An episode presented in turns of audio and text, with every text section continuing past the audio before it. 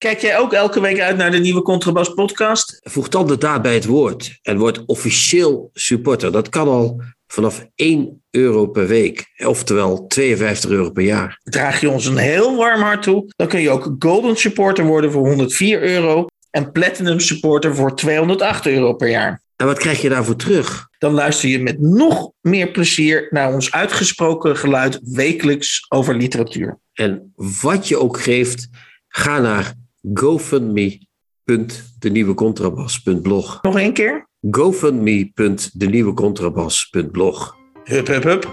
Hup.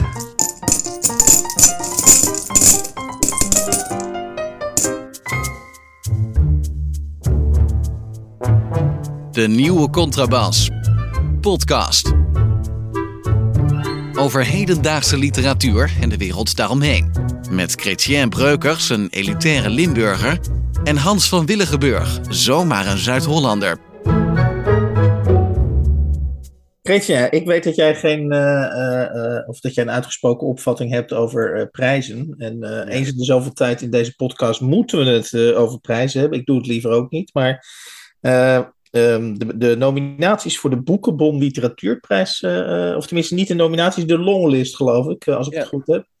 Die is eh, eh, bekendgemaakt. Dan gaan we, niet, eh, gaan we niet dat hele lijstje opzommen. Dat zou heel erg saai zijn.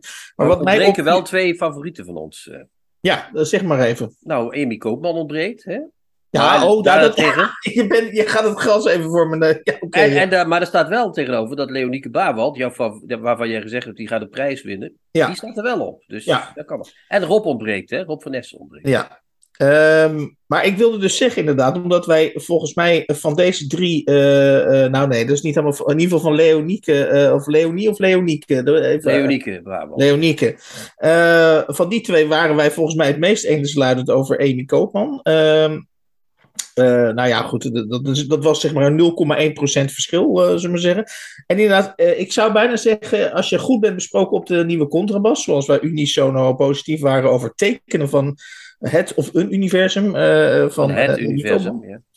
Ehm, eh, lijkt het wel, of is dat geen wetmatigheid en moeten we rustig gaan slapen? Lijkt het een wetmatigheid, of, of zou het een wetmatigheid kunnen zijn dat je, hoewel wij enthousiast zijn, de literaire jury's niet enthousiast zijn? Nou, dat zou best kunnen, dat weet ik niet. Maar wat ik wel weet, ik zag dat het dat die longlist van 15 boeken, of wat was het, Hans? Heb jij 15 ja. in beeld, ja? Dat dat was gekozen uit meer dan 500 boeken. En als ik dat hoor, dat getal, dan denk ik al, dit, is, het- dit kan niet. Zelfs niet met, met, met zo'n hele grote jury, want ze hebben een behoorlijke jury van een man of tien of zo. Je Mhm. kunt die boeken niet lezen allemaal, dat bestaat niet. Dat betekent dat ze gewoon een beetje hebben gekozen op voorkeur en op idee van dit is wel leuk en dit moeten we er ook wel bij nemen. Mhm. Dus het is, het is, het is een perversie, die prijs, zo'n prijs eigenlijk. Het slaat helemaal nergens op om zo'n prijs uit te reiken.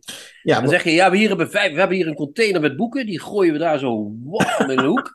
En dan, gaan, dan plukken we er daar een paar uit van mensen die we kennen. En dan, wat, de Boekenbonprijs was er ook met die idiote filmpjes van die mensen die zich allemaal voorstelden, of niet? ja, volgens mij wel. Ja, dat is toch verschrikkelijk, man. Dat, dat kan toch niet? En dan, en dan is dat is een literaire prijs. Dat is toch verschrikkelijk, Hans? Of niet? Ik, denk, ik, ik geloof dat ik het met je eens ben. Ik, ik had nog een punt, maar ik ben nu door jouw rant. eh, ik zou bijna zeggen, eh, ben, jouw vroegere rant in deze eh, 73ste aflevering van de nieuwe Contrabas podcast, ben ik even van mijn eh, apropos. Ik had, ik had nog een puntje wat ik eh, wilde drukken. Ja, ik wilde nog even zeggen dat wij natuurlijk eerder in de nieuwe Contrabas hebben wij natuurlijk eh, eh, gepleit om eh, alles open te gooien eh, eh, rond de literaire juries. Dus ik zou bijna zeggen, moeten we, hè, als jij het over een container hebt, dan, dan, en, en we zouden alles opengooien, we zouden ook, zeg maar, fil- we zouden ook zeg maar, het hele proces kunnen filmen. Hè, want maximale openheid betekent anno 2022 niet alleen dat je de schriftelijke, eh, de schriftelijke eh, transcriptie hebt van de beraadslagingen, maar dat je ook misschien nog even mee kan kijken. En dan, ik zie opeens een, een,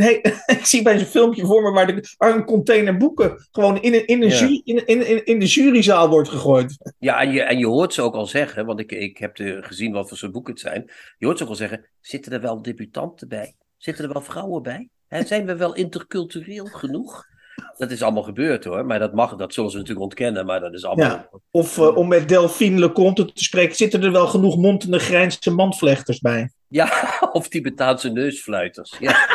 ik, we hebben, ik heb geen idee, maar het is, het is ja, het, het stelt niks voor. Het, het, het- is, het is een, een 500 boeken, Hans. Het is idioot. Ja, ja. Het kan niet. Het kan niet. Goed, nou, bent u geïnteresseerd eh, in wie er genomineerd zijn? Eh, onder andere dus Zoek het lekker zelf op.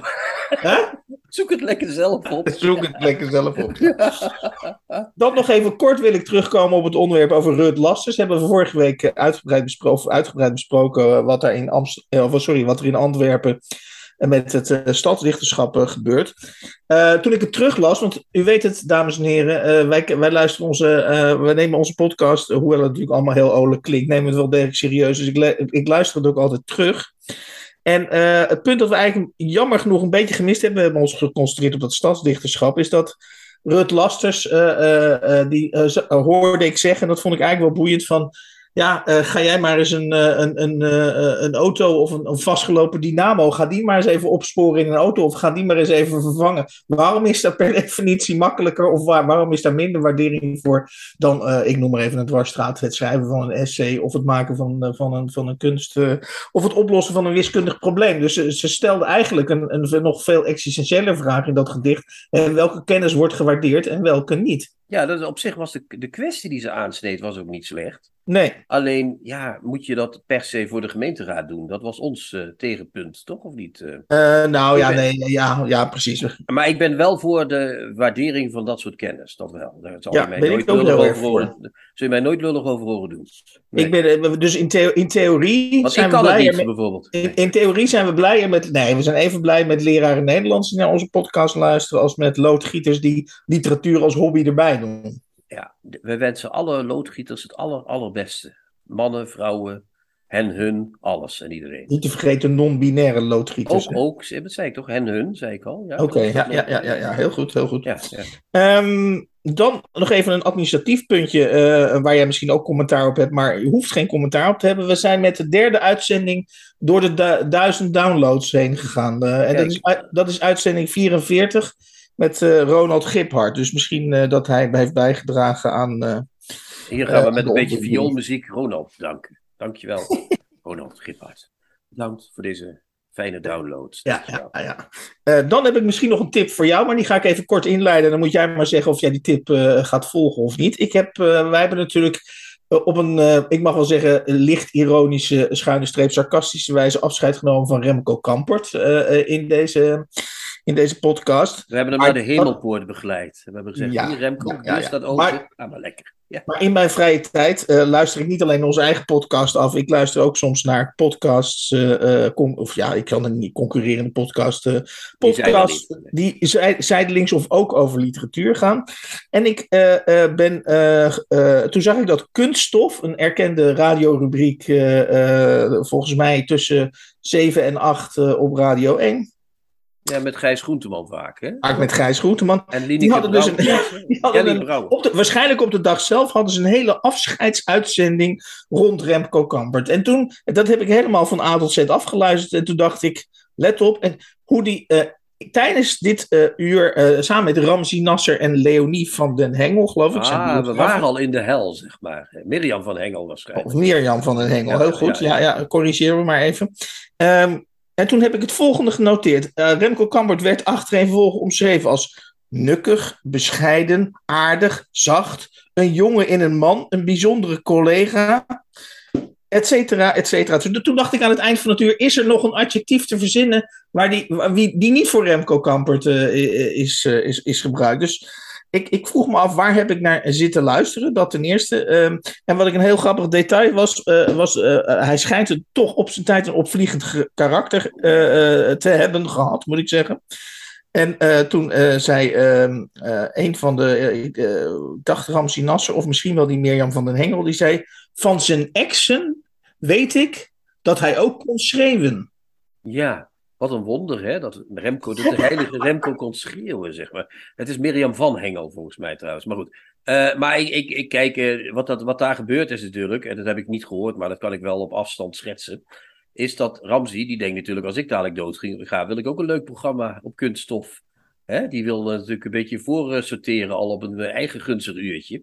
Dus die denkt, ik ga nu mijn, alle dode collega's vanaf nu, die ga ik met, met een emmer slijm eh, overladen. En dan, eh, als ik dadelijk dood ga, ben ik ook een hele fijne, nukkige, eh, lieve, gratuite. Nee, dat is fout. Dat is een negatief iets.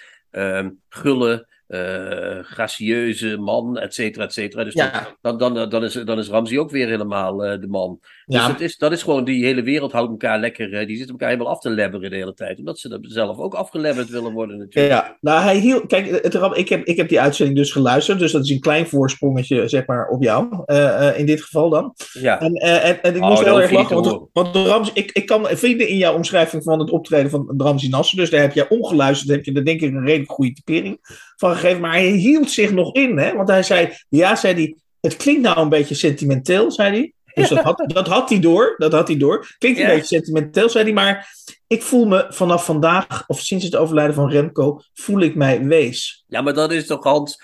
Echt, zei hij dat echt? Ja, dat zei hij. Ja, ja, ja, wat fout, wat fout, wat fout. Re, eh, Ramzi Nasser die zich wees voelt omdat Re, Remco kwam. Ja, dan, dan verdien je het ook niet beter dan om wees te zijn, vind ik, als je zoiets Ja. zegt. Maar goed, oké. Dat is wel heel fout, ja. Oei, wat fout, wat Ja. fout, wat fout. En verder eh, behoor ik eh, sinds eh, deze week tot de gelukkige mensen die op bezoek zijn geweest bij Delphine Leconte.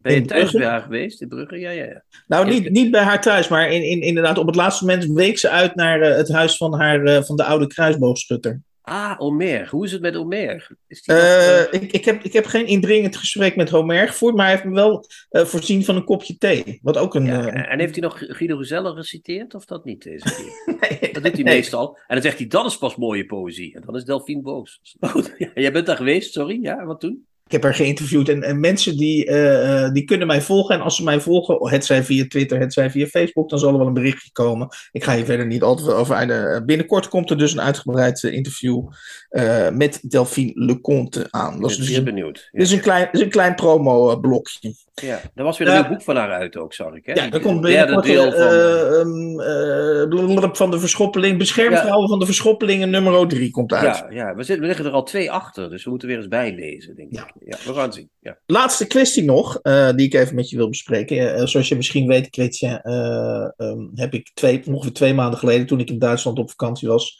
heb ik in Potsdam heb ik, heb ik, de laatste Wellebec gekocht in het Duits, omdat ik het Frans niet goed genoeg machtig ben, vind ik zelf.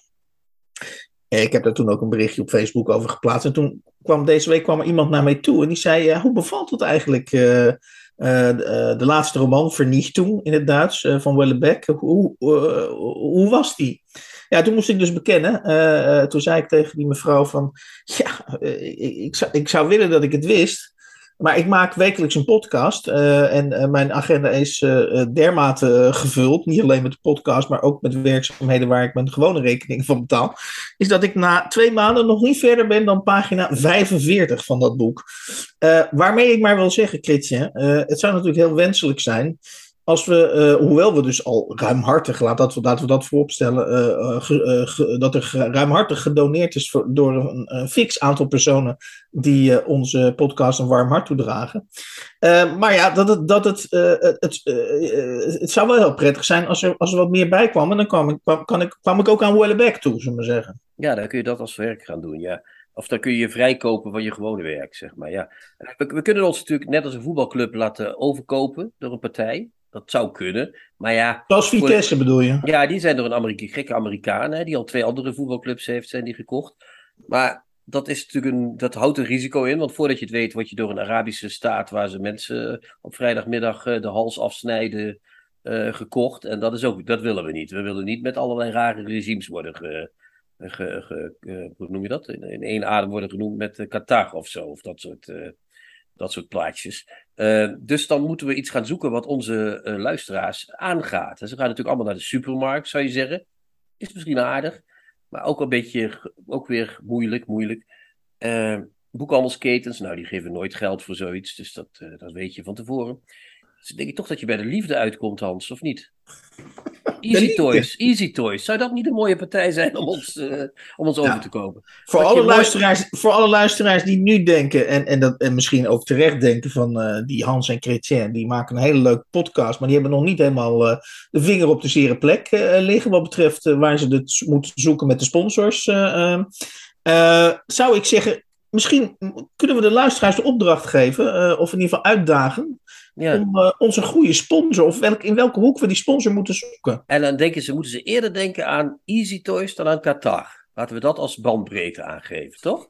Hè? Ik bedoel, ik wil geen slechte regimes, maar wel dat je bijvoorbeeld een boek heel mooi vindt en dan iets koopt om dat nog een beetje op te, thuis nog een beetje uit te breiden in de richting van je eigen partner of zo. Of een andermans partner, dat maakt mij persoonlijk niet veel uit. Maar eh, eh, dat je daar wat mee doet nog. En dat kun je dan naar podcast, de nieuwe contrabas.blog sturen. En daar eh, komt dat mooi aan. En dan gaan wij daar serieus mee aan de slag.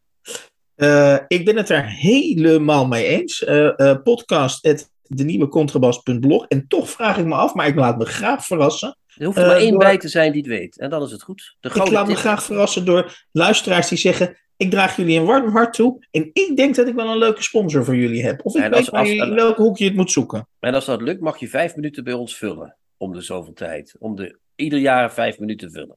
Als een soort. soort hè, de, de- om de, als eh, het brengen van de gouden tip. Dan mag je net zoals Ross Perot. Die had ook een, eh, die had een eh, symfonieorkest gekocht. Die één keer per jaar mocht hij zelf dirigeren. Even, één stukje. Sloeg nergens op. Maar dan mag die persoon met de gouden tip mag bij ons vijf minuten praten per, per jaar één keer. Tips van de week. Boeken, artikelen of pamfletten die boven het maaiveld uitsteken. Verrassend is het niet, maar daar doen we het ook niet voor. Eh, we gaan namelijk, en u zult eh, stijl achterover slaan, twee boeken bespreken. Niet drie, niet één, niet vier, twee. Twee. nou, bedankt. En het eerste, boek, het, eerste, het eerste boek wat we gaan bespreken, ik ga u niet langer in spanning eh, houden, eh, dat is eh, Weerlicht, een debuutroman van de in 1996 geboren Jante Wortel. Nou Hans, dan mag ik zeker weer, mag ik zeker weer het, het spreekwoordelijke Nee hoor, ik wil, ik, wil ook, ik wil ook het corvée wel doen hoor. Nou ja, laten we ermee beginnen dat het een goede gewoonte is om debuten mild te beoordelen. Hè? En dit is een debuut. Eh Jante Wortel is uit 1996. Eh, Dat volgens- had ik al gezegd, ja. ja, Ja, oh sorry. Volgens de flap wilde ze clown worden, maar kreeg in het jeugdcircus te horen dat ze daar te verlegen voor was. Toen ging ze schrijven. Nou, niet alle beslissingen pakken even goed uit, zou ik willen zeggen. Want eh, in dit geval, ja, ik, het is een boek, Hans. We beginnen altijd met waar het over gaat. Het is een boek over een meisje met een eetprobleem, als we het zo mogen zeggen. Toch? Dat is toch Eh, eh, zo? Volgens NRC, die, eh, die gingen weer een stapje, treetje hoger, een eetstoornis. Ja, Een ja. eetstoornis, excuseer. En dat meisje is met haar familie, namelijk vader en moeder. En haar broertje Vos. Zij het zelf Lena, toch? Hè? Heb ik dat goed? Lea, Lea, Lea, En haar broertje Vos is ze eh, op vakantie in Noorwegen. Waar ze op, op, op, in een soort met een camp eh, ding achter de auto, Ja. dat ding? Kamp, eh, kamperen ding. zeker. Zijn ze op weg naar de broer van de moeder. Erik geheten, toch? ja. En dat meisje dat bepaalt heel sterk wat er gebeurt in dat gezin. Omdat haar stoornis is nogal moeilijk. Dat is, dat is ook zo met mensen met een eetstoornis. Zij kan heel moeilijk eten. En zij moet dus ook heel veel regelmaat hebben. Want anders kan ze niet haar eh, programma vullen met eh, Ja, die kleine beetjes die ze eet. En Ja. dat, zij heeft dus en een hele grote invloed op het gezin. En dat gezin onderling functioneert niet. En dat komt, daar gebeuren weer allerlei rampen die we niet zullen verklappen. Maar er gebeuren wel een paar kleine rampen. En daar gaat het hele boek eigenlijk, daar neuzelt het hele boek bij elkaar over door. Als ik het zo mag Nou ja, wat, wat, ik, ik citeer nog even de NRC. eh, dat zal ik niet te vaak doen. eh, dat is niet een hobby van me om de NRC te, ci- te citeren. Maar eh, d- dat klopt op zich wel. Nou, eh, de, eh, in, dat, in die recensie van Judith IJsselin, geloof ik, eh, heet ze. eh, daar werd gezegd, eh, in, in dit boek laat eh, eh, gezien. Dus dat werd in zekere zin positief. En dat is, maar daar komen we zo op onze bezwaren tegen dit boek. Het, het is bijna een soort, med, het is een soort bijna medisch, eh, medisch eh, eh, ja, nou ja, goed. Zeg een sterk medisch, het heeft een sterk medisch karakter, maar eh, Judith IJsseling van de NRC eh, zei dus: hè, de kern van een eetstoornis is niet dat er niet gegeten wordt, of juist wel gegeten wordt, of whatever. Maar de, daar, daar zit dus een hele angst, een patroon van angsten en controle omheen. Ja, dat heeft dat En- meisje ook natuurlijk. Ja, Ja, ja. en, en, en dus met andere woorden, als er iets gegeten wordt, moeten er bepaalde st- omstandigheden zijn waaronder ze pas gaat eten. En moeten er alle dingen eerst gebeurd zijn, of moeten er een bepaald aantal stappen gezet zijn, of moet er iets in evenwicht zijn. En als dat niet in evenwicht is, dan gaat ze ook niet eten. Of als het wel in evenwicht is, nou ja. Kortom, zij, eh, het- je hebt helemaal gelijk. Zij legt dat mij, de hoofdpersoon Lea, legt een enorm, enorme druk op eigenlijk alles wat er in dat gezin eh, gebeurt. En andersom is dat gezin ook, begrijpt dat hele meisje niet.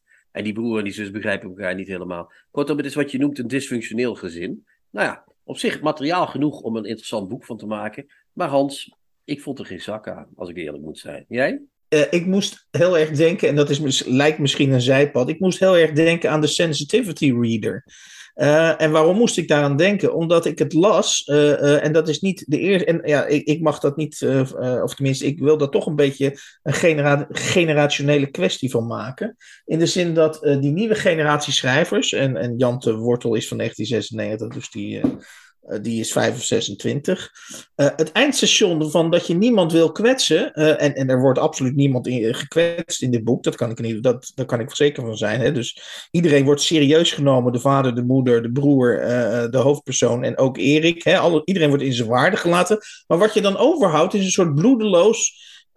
Voortkabbelend proza waarin minutieus beschreven wordt. En dat kan op zich best best aardig zijn hoe dat gezin die vakantie uh, uh, zeg maar doorbrengt. En ja. natuurlijk is er sprake, dat heb ik heus niet gemist. Het, het, kreeg overigens vier ballen in de NRC. Ja, onbegrijpelijk. En natuurlijk heb ik niet gemist dat er, dat er een onderhuidse spanning wordt opgeroepen. En ook dat er vanuit de vakantie in Noorwegen wordt steeds met flashbacks teruggewerkt naar hoe de aanloop naar die vakantie is verlopen. En welke, welke, welke wrijving on, onderling tussen de gezinsleden plaatsvindt. Maar ik ben het met je eens uh, of tenminste, ik, ik wil hier een, een klein dieper liggend puntje aan de orde stellen. En dat is dat die generatie, dat, ik maak er dus een generationele kwestie van, al of niet door jou goedgekeurd, is dat deze generatie dus heel veel moeite heeft. Kijk, een vertelling is iets hiërarchisch. In de zin van, je hebt een bepaald hoofdmotief, of nou ja, al snel hiërarchisch. Dit, hier leg ik de nadruk op, dat vind ik iets minder belangrijk. Dit is, dit is de hoofdlijn, dit is een zijlijn. Nou ja, uh, je moet enig besef hebben van wat, wat je wil vertellen. En, en wat je bij Jante ziet is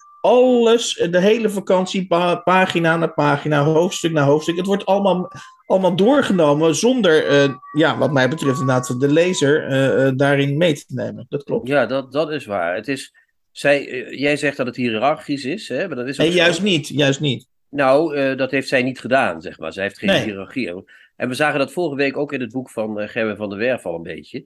Dat je ook denkt, ja, dat vertelt maar door, maar waar gaat het eigenlijk over? En dat is hier ook sterk doordat zij alles beschrijft wat ze ziet en hoort en meemaakt, blijft het maar kabbel de babbel, de babbel, de babbel. En op een gegeven moment denk je bij elk drama in het boek, ja, het zal wel, ik geloof het wel. En zelfs de drama's vertelt ze op een hele uh, ja, rustige, kabbelende manier. En ja. bij mij, bij mij uh, knapte het lintje op bladzijde 78. Ja. Dus, uh, kan ik ze heel precies het moment aangeven waarop het knapte. Op bladzijde 78 bovenaan staat: Mijn ouders hebben elkaar leren kennen doordat ze bij dezelfde wandelclub zaten. Ja. Dat vind ik zo, vind ik zo raar zin. heb ik, en toen dacht ik: Ja, maar dit is echt, dit kan gewoon niet, weet je wel. Dat kan al sowieso niet, want doordat uh, geeft ook een soort reden aan. Hè, van, uh, door, door, door, nee, ze zaten op dezelfde, le ze zaten op dezelfde wandelclub en daar hebben ja. ze elkaar ontmoet. Ja. Uh, en, en dat verhaal heb ik meerdere keren gehoord. Erik was toen nog in Nederland en mijn moeder woonde op zichzelf, werkte als verpleegster in een huisartsenpraktijk en zwom. Daarnaast handbalde, fietste, wandelde ze. Snap je? Dit is dus de manier waarop dat hele boek in elkaar zit. Dat je denkt, wat een, wat een actieve mensen, maar who cares? Hans, who cares? Ja, en wat denk ik ook goed is om nog even op te merken, is dat, uh, en dat moeten we misschien in een een paar volgende uitzendingen, of een van de volgende uitzendingen misschien verder uitwerken, is dat de literaire kritiek, in dit geval dus de NRC, die staat, ik wil, staat toch behoorlijk te juichen ja. bij, dit, bij dit type proza. Uh, en bij die, bij die ook die licht objectiverende medische toonzetting, dat ik bijna, en dan, nu maak ik even misschien een rare zijsprong, dat ik bijna ging verlangen terug naar Jamal, Jamal Ouariashi en zijn uh, toch niet door ons in de lucht gestoken uh, roman Herfstdraad. Dat ik dacht, ja, dat had een beetje te veel subjectieve meningen op één pagina. Maar je kunt het ook aanpakken zoals Jan de Wortel. En dan krijg je dus helemaal nooit iets wat. ja, maar bij, bij, eigenlijk doet Jamel precies hetzelfde als Jan de Wortel. Namelijk ook maar doorlullen, weet je wel. Ja, gooi, gooi qua, maat, qua maatvoering zijn ze vergelijkbaar. Ja, ja. eigenlijk vond ik het allermooiste stukje proza uit het hele boek op de laatste bladzijde staan. Dat heet Dank, dat hoofdstuk. En dat gaat zo. Om te beginnen natuurlijk Isabel, Daniel en Masha. Voor het vertrouwen, het geduld, met een uitroepteken erachter. En de fijne, waardevolle gesprekken. Lars, voor het meelezen, de lange wandelingen en je scherpe blik. Tim, voor alle keren dat ik huilend van de bank getrokken moest worden om toch weer achter mijn schrijftafel te gaan zitten. En voor zoveel meer. Alle mensen van de wintertuin voor de goede zorg en ondersteuning. Team Das Mag voor het warme bad. Anita voor de extra ogen. Matthijs, Lotte, Seren, Benny en Pleun. Gewoon daarom. En als laatste ook mijn ouders. Voor het zijn wie jullie zijn en het doen wat jullie gedaan hebben. Toen en nog steeds. Amen staat er niet, maar dat dacht ik wel toen ik het gelezen had. Ja.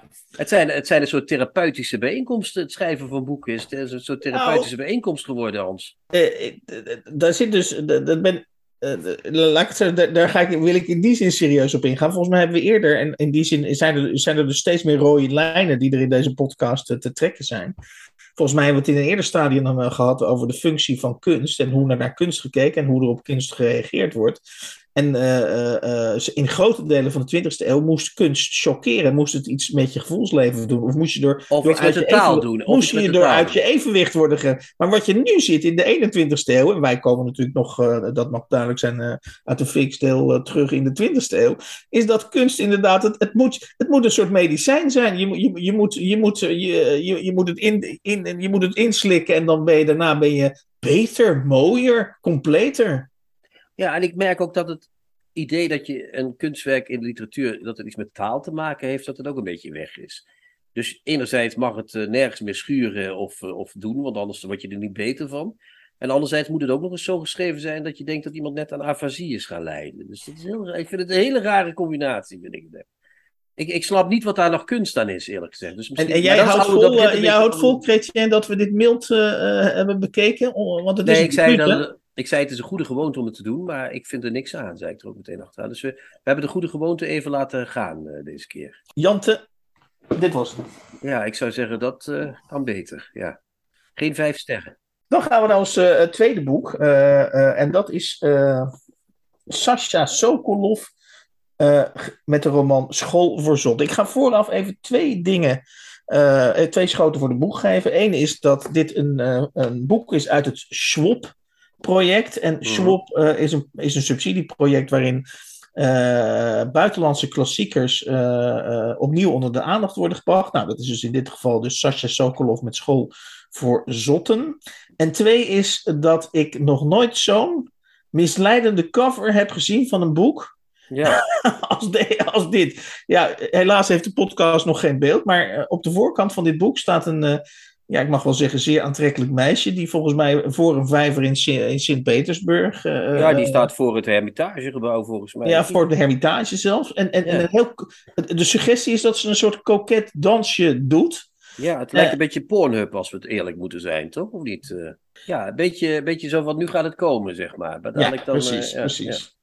Dus eh, ik nam dat boek daar- op. Ik, ik begon de achterkant te lezen en, en ik kan niet anders zeggen dan dat... eh, eh, nou ja, kijk, uiteindelijk kan ik wel een link... Uiteindelijk met heel veel, heel veel moeite en, en, en, en vasthoudendheid kan ik wel een link leggen tussen dat meisje van de voorkant en de inhoud van het boek. Maar dan moet je wel heel erg je best doen. Ja, want het is, het, het is een boek wat om te beginnen al heel moeilijk te beschrijven is. Zeiden we net over Wortel dat het een boek is waar geen, niks met de taal gebeurt. Hier gebeurt eigenlijk alles alleen maar via de taal. Dit is eh, één grote stream of consciousness, dus één grote eh gedachtenkronkel van één persoon. Die, als ik het goed heb, want dat weet ik ook niet zeker, Hans. Die zit in een gekkergesticht, hè, Ja. toch? En die heeft het over zijn eh, grote liefde. En daar zouden we dat meisje dan voor kunnen nemen, zeg maar. In de, de Ja. foto van het meisje. En eh, er is een of andere mentor van hem, hè, leraar of wat is Ja. het, mentor. Pavel volgens mij, ja. Ja, die is doodgegaan en daar probeert hij zich ook mee te, eh, te, te verzoenen. En daar vert- vertelt hij ook over wat hij van Ja. hem gedaan heeft. Eh, er wordt gezegd in het nawoord eh, dat ehm, ehm, eh, dit een boek zou zijn wat verwijst naar het feit dat in de Sovjet-Unie, want het speelt zich dus af. Sokolov heeft het boek al eerder gepubliceerd. Eh, ja in de jaren speelt zich af 70. in de jaren vorige eeuw. 60. eh, eh, 70, ja ja.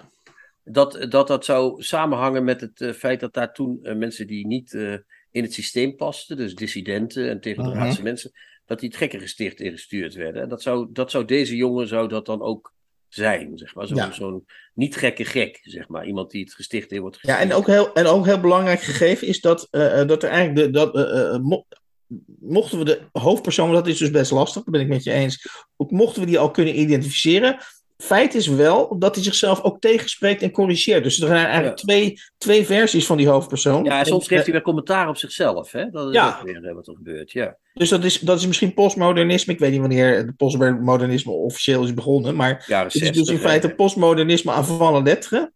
Ehm, en ja, wat ik fascinerend vond, of tenminste, eh, ik vond het een laat ik, zo, laat ik om te beginnen zeggen dat ik bij dit boek voor het eerst, eh, en dat is dus na 73 uitzendingen van de nieuwe Contrabas podcast, dat ik bij dit boek had, dit moet ik, dit moet ik gewoon nog een keer lezen. Dit, dit, dit is, dit is hier, hier zijn delen on, mij ontgaan, wat er nou precies aan de hand is. En, en eh, niet, eh, ik ben de laatste om te zeggen, alles moet een plaats hebben en alles moet verklaard worden en, en ik wil de betekenis. Want, hè, maar, maar bij dit boek had ik, had ik wel die behoefte om het onmiddellijk nog een keer te gaan lezen.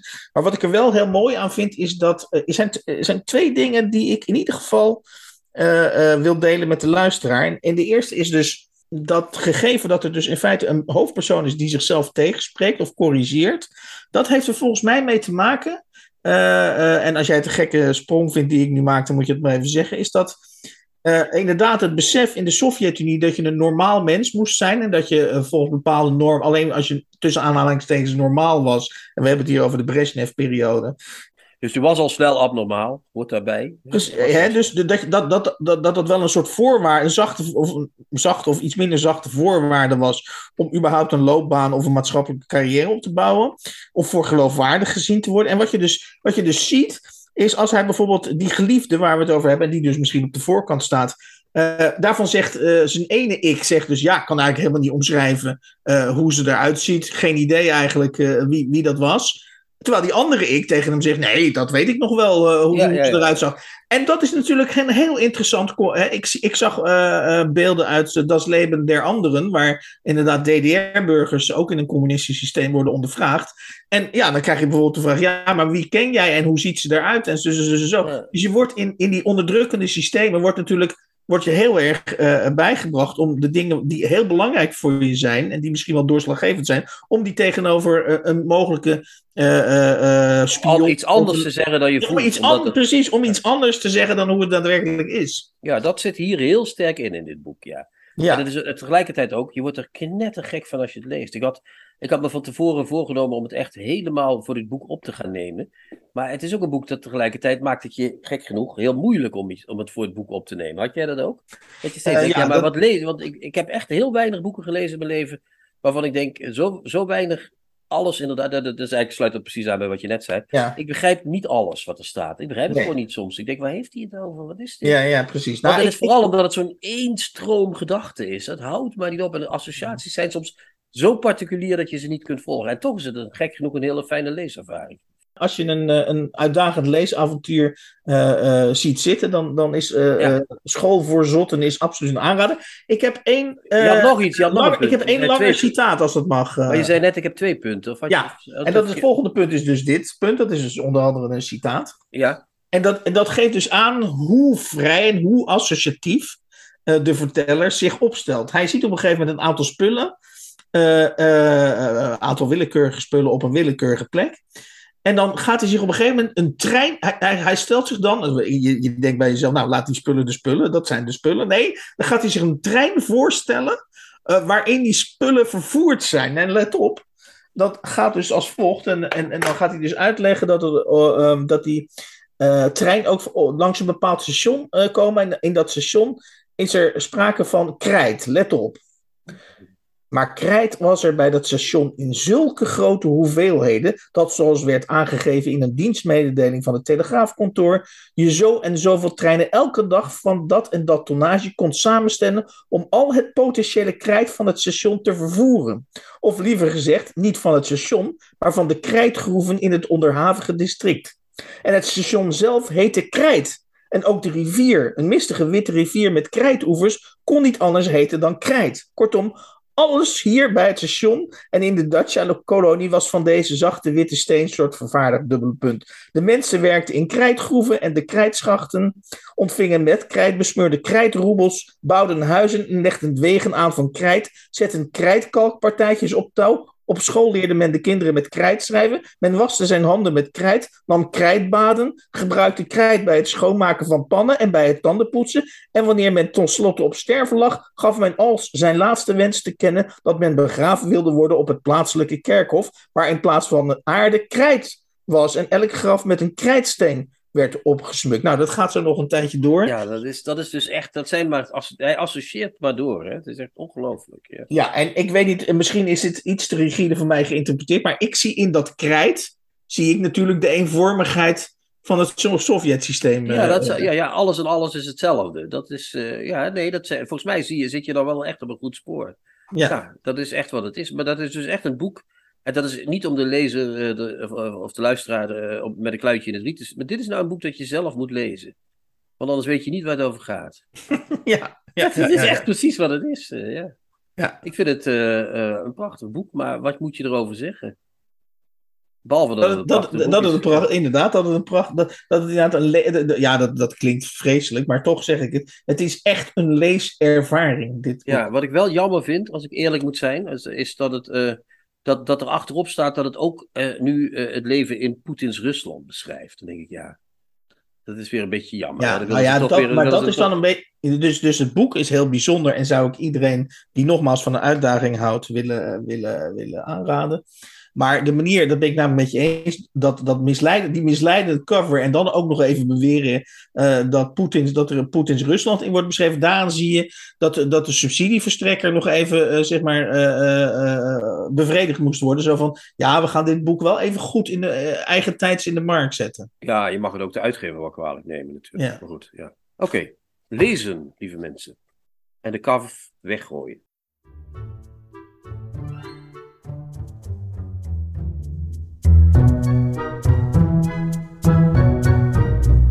De nieuwe Contrabas.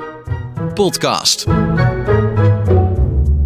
Nadat we bij Sokolov toch een beetje, ja, uh, ik wil niet zeggen machteloos, maar, maar uh, toch een beetje, ja, we zijn, blijven, we zijn niet blijven twijfelen, maar hoe, hoe zeggen we dat nou? We zijn een beetje in de mist. Nou ja, we zijn, we zijn, ja, machteloos tegenover zijn kunst. Dat waren we een beetje. Dat is het toch wel, ja. ja. Ja, dat, terwijl we wel allebei doordrongen zijn van het feit dat, hij heel goed, dat dat een heel goed boek is. Ja, ja, ja, ja, maar daarom zijn we machteloos. We staan dus machteloos in het aangezicht van iets goeds. Uh, ja. ja, ja. Dat is het. En, en om, om een tegenwicht daaraan te bieden, gaan we nu, uh, en, en, dat heb jij voorbereid, uh, um, een, een, een, concreet gedicht onder de loep leggen. En jij mag vertellen wat en wie we gaan doen. We gaan een gedicht lezen samen, Hans, jij en ik, van Ocean Vuong. Een in 1988 geboren schrijver en dichter. Uh, geboren in Saigon, nu Ho Chi Minh City volgens mij, of niet? In hm. Vietnam. Uh, met zijn ouders naar Amerika geëmigreerd, naar de VS. daar nu woonachtig. Heeft een roman geschreven, die is vertaald onder de titel Op aarde schitteren we even. Daarin schrijft hij brieven aan zijn overleden moeder. En dat, zijn, dat is een prachtige roman overigens, heel mooi vertaald ook. Uh, de tijd is een moeder. Dat is zijn dichtbundel die net verschenen is in vertaling van Onno Kosters. En uh, dat is ook een boek waarin hij uh, zoekt naar manieren om te leven na de dood van zijn moeder. Dus dat, die moeder, hè, de, de afkomst zou je kunnen zeggen, hè, dat uit Vietnam afkomstig zijn, dat is zijn grondthema, zou je kunnen zeggen. En dat boek, De tijd is een moeder, dat begint met het prachtige gedicht De Stier. En daar gaan we eens even naar kijken. Oh, je hebt hem al weggegeven uh, in zekere zin. Dat is prachtig, zeg je.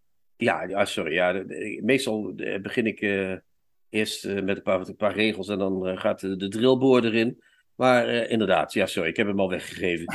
De, jammer, hè? Toch jammer. Misschien is het wel helemaal niet. Ik, was verbaasd, maar het is, niet, het is natuurlijk niet de eerste keer dat je dwars die spanningsboog huppakee met een herrenschaar ja. uh, door midden knipt. Ik herinner me een vorige aflevering van de Close Read, waarin jij al op voorhand, voordat je één regel had voorgelezen, dat de betreffende dichter een slecht mens was. Maar goed, dat. Uh... Ja, dat was Frank Keizer. Want dat kunnen we niet genoeg. Dat kunnen, we niet, dat kunnen we niet genoeg benadrukken dat dat een slecht mens is. Eh, ja, dat is waar. Ja, nou, zo zie je maar weer. Dat is toch genoeg te lachen nog, ook al is de spanningsboog al weg. De stier. Hij stond alleen in de achtertuin, zo zwart, dat rondom hem de nacht purper kleurde. Daar begint het mee. Prachtig beeld, toch of niet? Mhm. Je ziet een stier, je kunt je voorstellen. Ik, ik zie meteen zo'n Osborne-achtige stier, weet je wel? Zo'n grote, grote bullebak van een beest. Die zo zwart is dat de nacht eh, rondom hem purper kleurt. Dus dat is natuurlijk een vreemd beeld, hè? maar daar gaan we, dat houden we even in het achterhoofd. Ja, maar het is wel we- eens, ik, dit, dit, dit, ik, ik, ik hoor het dus voor het eerst, dus ik reageer, zoals men dat noemt, spontaan.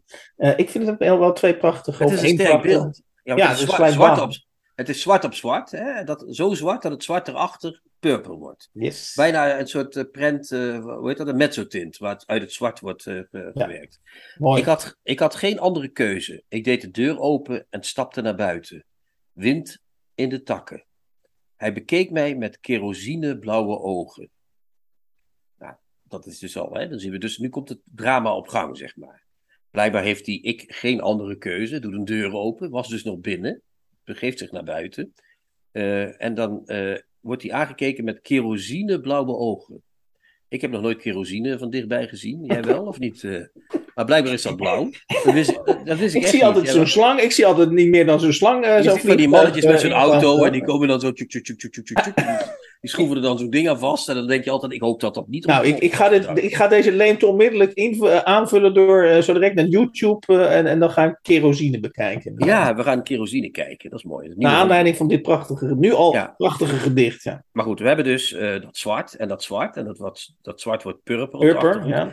En nu hebben we kerosineblauwe ogen. Dat is ook al eh, mooi, hè? Dat is al eh, een soort... soort eh, Ik zit ook te denken, i- is, het is nacht, er is een eng beest, hè? Dat kan ook een soort angst zijn van die jongen, wat er allemaal... Ja, en kerosine en, en, en, en beest kan ook een vliegtuig zijn. Maar goed, dat ja, is een vliegtuig wat is, is, is gekomen waarmee die over die ocean is gevlogen. We Nou weten ja. het niet. Wat wil je van me? vroeg ik, vergetend dat ik geen taal machtig was. Hij ademde gestaag om in leven te blijven. Ik was een jongen en dus was ik de moordenaar van mijn kinderjaar. Zie je, nu zitten we toch al dichter naar die kindertijd weer toe en naar dat eh, droomachtige en misschien ook wel angstige, toch? Of niet? Mhm, mhm. Hij Ja, geen- ja, ik hoor het allemaal geen- voor het eerst, dus Ja, ik, ik zit ook maar te associëren, want het is zogenaamd het eerste gedicht wat ik lees uit deze Oh, bundel.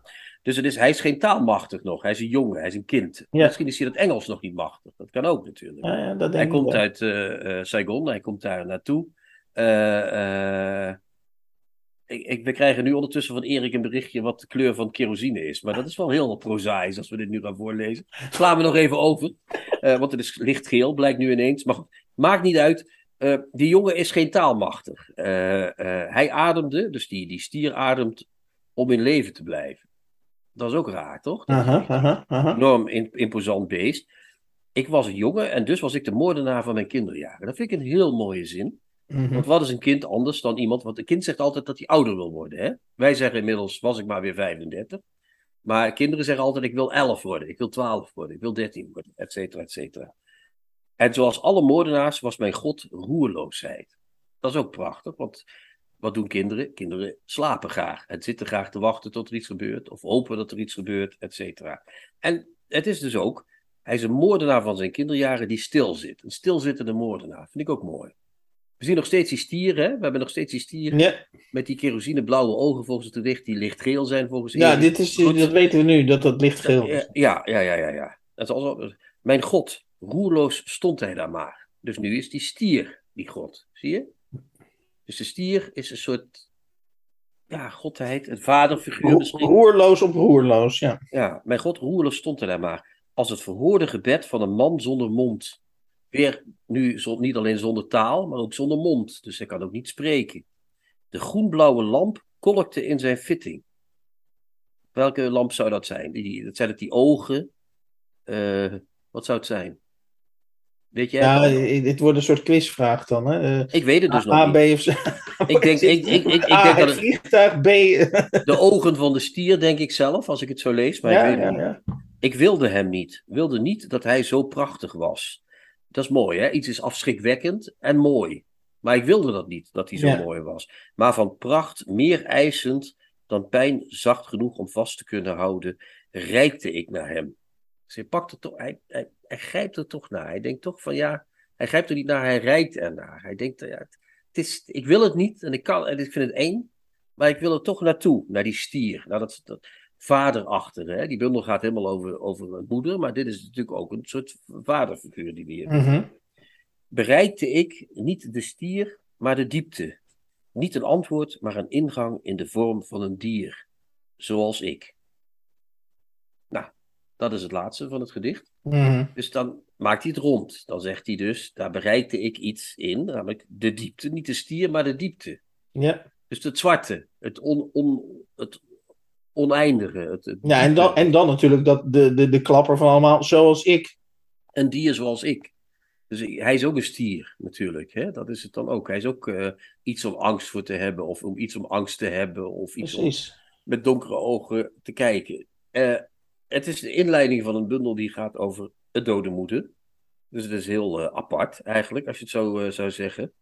En toch is het een prachtige positionering, toch? Het is een geweldige positionering, dit gedicht. Eh, nogmaals, ik word voor het eerst geconfronteerd, dus ik, ik, ik, ben, ik ben in ieder geval eh, en, eh, ik ben wel benieuwd op grond van dit eerste gedicht naar de rest Ja. van de bundel. Wat ik zou En- kunnen doen is het eerste en het tweede gedicht dadelijk tot slot even voorlezen. Dan hebben we er twee. En dan kunnen Ja. we meteen even zien hoe het werkt, zeg maar. Maar je wou iets anders zeggen nog. Nee, nee, nee, nee, nou ja, goed, kijk, eh, laat ik het zo zeggen. Als dit, eh, eh, want jij zei, eh, deze jongen heeft, eh, of het is een man, toch? Eh, Ja, het is een man, ja. ja. Uit 1988, ik noem hem even eh, jongen, maar goed, het is een man. Eh, nee, eh, eh, eh, hij heeft al een verhalenbundel of een roman geschreven en, dan, dan dit, en hiermee de- debuteren. Ja, dan eh, denk ik wel. eh eh eh Chrétien noemde straks nog even heel luid en duidelijk zijn naam, want dan schrijf ik dat even op. Ocean Vong, ja. Hij ja, stond Ocean Vuong. eh, dat- V-U-O-N-G. V-U-O-N-G. Oké. Ja, en de, de, de, de anekdote wil dat zijn moeder, eh, toen ze eh, daar in Amerika kwam, ging ze met hem naar het strand. En toen zei ze beach, maar dat klonk als bitch. En toen zei iemand, je moet misschien maar even ocean zeggen in plaats van beach. Oké, oké. En, en toen heeft zij gedacht, een ocean. En dan, mijn zoon noem ik ook ocean. Dat, of, of ik hernoem hem tot ocean. Zoiets. Oh, maar Eh, dat dus- was voor zijn geboorte, dus, dus ze heeft hem. Nou, nee, nee, hij was er al geloof ik, maar ze heeft hem toen gedacht, dat vond ze zo'n mooi woord, dat ze hem ook ocean hernoemt tot ocean. Ze heeft hem hernoemd. Oké. Maar zij zei dus bitch in plaats van beach. En toen zeiden ze van, nou, misschien moet je ocean zeggen, dat is beter. Ja, mo- prachtig er verhaal. zit ook een soort eh, taalmisverstand meteen in, in die naam. Dat is natuurlijk ook fantastisch. Is dat, eh, er zit ook letterlijk een oceaan tussen hem en eh, Vietnam natuurlijk. Dus dat is echt fantastisch. Ik hoor, ik hoor gekug, maar ik denk dat we naar het tweede gedicht moeten. Nee, nee, nee. Ik, dat, dat was eh, gewoon Erik die even kuchte, volgens mij. Oh, Maar eh, eh, zal ik het gedicht gewoon eerst even helemaal voorlezen? Want dan hebben we hem helemaal, de stier. ja, lees hem eerst nog Even hem helemaal, dat we het... ja. Ja. De stier. Hij stond alleen in de achtertuin, zo zwart dat rondom hem de nacht purper kleurde. Ik had geen andere keuze. Ik deed de deur open en stapte naar buiten. Wind in de takken. Hij bekeek mij met kerosineblauwe ogen. Wat wil je van me? vroeg ik, vergetend dat ik geen taalmachtig was. Hij ademde gestaag om in leven te blijven. Ik was een jongen en dus was ik de moordenaar van mijn kinderjaren. En zoals alle moordenaars was mijn God roerloosheid. Mijn God, roerloos stond hij daar maar, als het verhoorde gebed van een man zonder mond. De groenblauwe lamp kolkte in zijn fitting. Ik wilde hem niet, wilde niet dat hij zo prachtig was, maar van pracht meer eisend dan pijn zacht genoeg om vast te kunnen houden, reikte ik naar hem. Bereikte ik niet de stier, maar de diepte. Niet een antwoord, maar een ingang in de vorm van een dier, zoals ik. Het is trouwens ook prachtig vertaald, want als je dit leest, dan denk je, dat is gewoon een Nederlands gedicht. Hè? Bedoel, Er zit geen woord in waarvan je denkt, er zit Ja. nog een Engelse tekst doorheen. Door wie is het vertaald? Eh, Door Onno Kosters. Oh, de onderkosters, ja. Zeer vaardig vertaald. Sneeuwtheorie is het tweede gedicht. Dat ga ik gewoon helemaal voorlezen en dan kijken we even of er nog een uh, Ja, en lees dat gewoon voor. En eh, ik stel voor dat je het gewoon voorleest en dat we dan uh, afsluiten. En dat, dat we dan, uh, uh, als dat waarschijnlijk net zo mooi is of net zo aansprekend, dat, dat we het aan de, aan de luisteraar overlaten om deze prachtbundel te gaan kopen. Oké, okay. dat heet sneeuwtheorie. Ja. Dus we waren eerst donker en een stier en nu gaan we naar het wit van de sneeuw. Vandaag is de beste dag ooit. Niets heb ik gedood sinds, sinds 2006 buiten de duisternis, nat als een boreling. Ik maakte ezelsoren in het boek en dacht direct aan masturberen. Hoe keren we terug tot onszelf anders dan door de bladzijde om te vouwen en zo de spannende passage aan te wijzen? Op tv staat alweer een land in brand. Wat blijft is dat, wij, is dat wat wij kwijtraakten in de sneeuw, mijn moeders dorre silhouet. Beloof me dat je niet nog eens verdwijnt, zei ik. Een poosje lag ze daarover na te denken. De huizen deden één voor een lichten uit.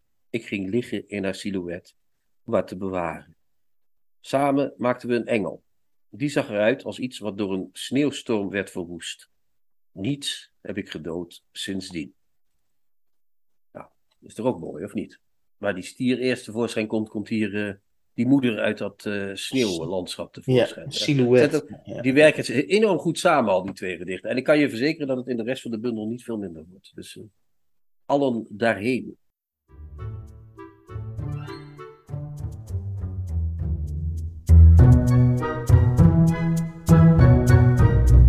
De nieuwe Contrabas. Podcast. In een oceaan van mildheid hebben wij besproken uh, vandaag in de 73ste aflevering van de nieuwe Contrabas podcast. Allereerst de uh, debuutroman Weerlicht van Jan de Wortel, verschenen bij uitgeverij Das Mag in 2022. En uh, hebben wij onze standen met liefdevol stuk gebeten op de, de, roman School voor Zotten van Sasha Sokolov. Uh, geboren in Canada en vanaf zijn derde woonachtig in de Sovjet-Unie. Om daarna weer volgens mij alsnog weer buiten de Sovjet-Unie terecht te komen. En dat boek, die roman, was onderdeel van het Schwab, het vertaal, vertalersproject van Schwab. En is in 2022 opnieuw uitgegeven, nadat het in 1978 ook reeds verschenen was in een oudere vertaling bij uitgeverij Van Oorschot. En dan had Chrétien nog een uh, heel mooie slagroompunt uh, uh, in petto. En dat was de bundel, de dichtbundel. De tijd is een moeder van Ocean Vuong, V-U-O-N-G. vertaald door Onno Kosters en verschenen dit jaar, neem ik aan tenminste bij uh, Hol uitgeverij Hollands Diep. Ja. Uh, zoals u gehoord heeft, uh, is het maken van deze podcast. Ik, zou, ik, ik ga, laat u nu een kleine gewijde stilte invallen. Is niet helemaal vanzelfsprekend. Um, dus we zijn. En, en, we doen gewoon een beroep op de verbeeldingskracht en, en, en, en, en de slimme inzichten van onze luisteraars. Namelijk de vraag aan u: uh, wat zou, wel, welk type sponsorship zou bij de nieuwe Contrabas podcast passen? En misschien heeft u wel een concreet bedrijf of uh, mecenas uh, op het oog die ons goedgezind zou kunnen zijn. Ja, en dat kunt u mailen naar podcast.denieuwecontrabas.blog. En dan hopen wij dat daar de gouden tip tussen zit. En dan mag u als beloning dus vijf minuten per jaar bij ons vullen met wat u wil. Als u vijf minuten alleen maar rare geluiden wil maken, prima. Geen probleem. Maar elk jaar weer terugkomen. Ja. Het, het, het, is, ik, ik vind dit nu al de meest uh, begeerde vijf minuten. Waar, uh, tenminste, waar ik het meest naar uitkijk. Uh, want dat zou betekenen dat we die sponsor gevonden hebben. En dat we dus inderdaad de, de vinder van deze sponsor. Ja, die ruimte kunnen bieden. En ik doe niets liever. Ja, ik ook. Ik, en we willen ook graag t-shirtjes dragen daarvan, van die sponsor. Maakt allemaal niks uit. Prima, toch? We doen echt alles voor die Worden we een soort Jan Boskamp. We doen alles, we doen echt alles, uh, als hij maar een beetje bij ons, bij, bij, bij onze podcast Ja, dus geen rare regimes of zo, hè? dat beginnen we niet aan. Goed zo. Mensen, ciao, uh, Bij voorbaat dank voor de suggesties. En uh, suggesties kunnen dus naar podcast.denieuwecontrabas.blog. Tjoe, tjoe, ciao, ciao. Ciao, ciao, ciao. Kijk jij ook elke week uit naar de nieuwe Contrabas podcast? Voeg dan de daad bij het woord en word officieel supporter. Dat kan al vanaf 1 euro per week, oftewel 52 euro per jaar. Draag je ons een heel warm hart toe, dan kun je ook Golden Supporter worden voor 104 euro en Platinum Supporter voor 208 euro per jaar. En wat krijg je daarvoor terug? Dan luister je met nog meer plezier naar ons uitgesproken geluid wekelijks over literatuur. En wat je ook geeft, ga naar gofundme.denieuwecontrabas.blog. Nog één keer? gofundme.denieuwecontrabas.blog. Hup, hup, hup. Hup.